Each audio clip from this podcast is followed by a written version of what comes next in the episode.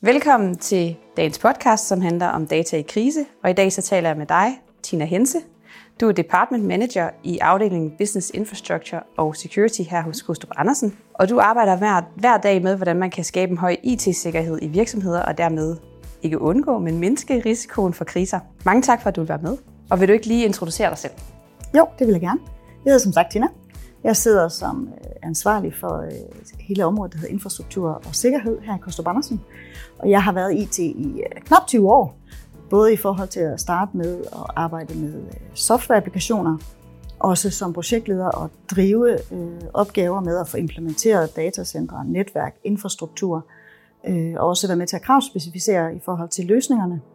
Så har jeg også været inde over hele GDPR-rejsen, da den gik live i 18, og været med til at få øh, vores øh, softwareapplikationer til at være compliant omkring det, der sad med ledelsesansvaret øh, for de områder. Så har jeg været informationssikkerhedsansvarlig øh, øh, øh, i en region i forhold til at sikre compliance og governance øh, omkring det område. Og nu sidder jeg så her med øh, ansvar for de projektledere og specialister, Kostrup Andersen har omkring informationssikkerhed og hele infrastrukturdelen.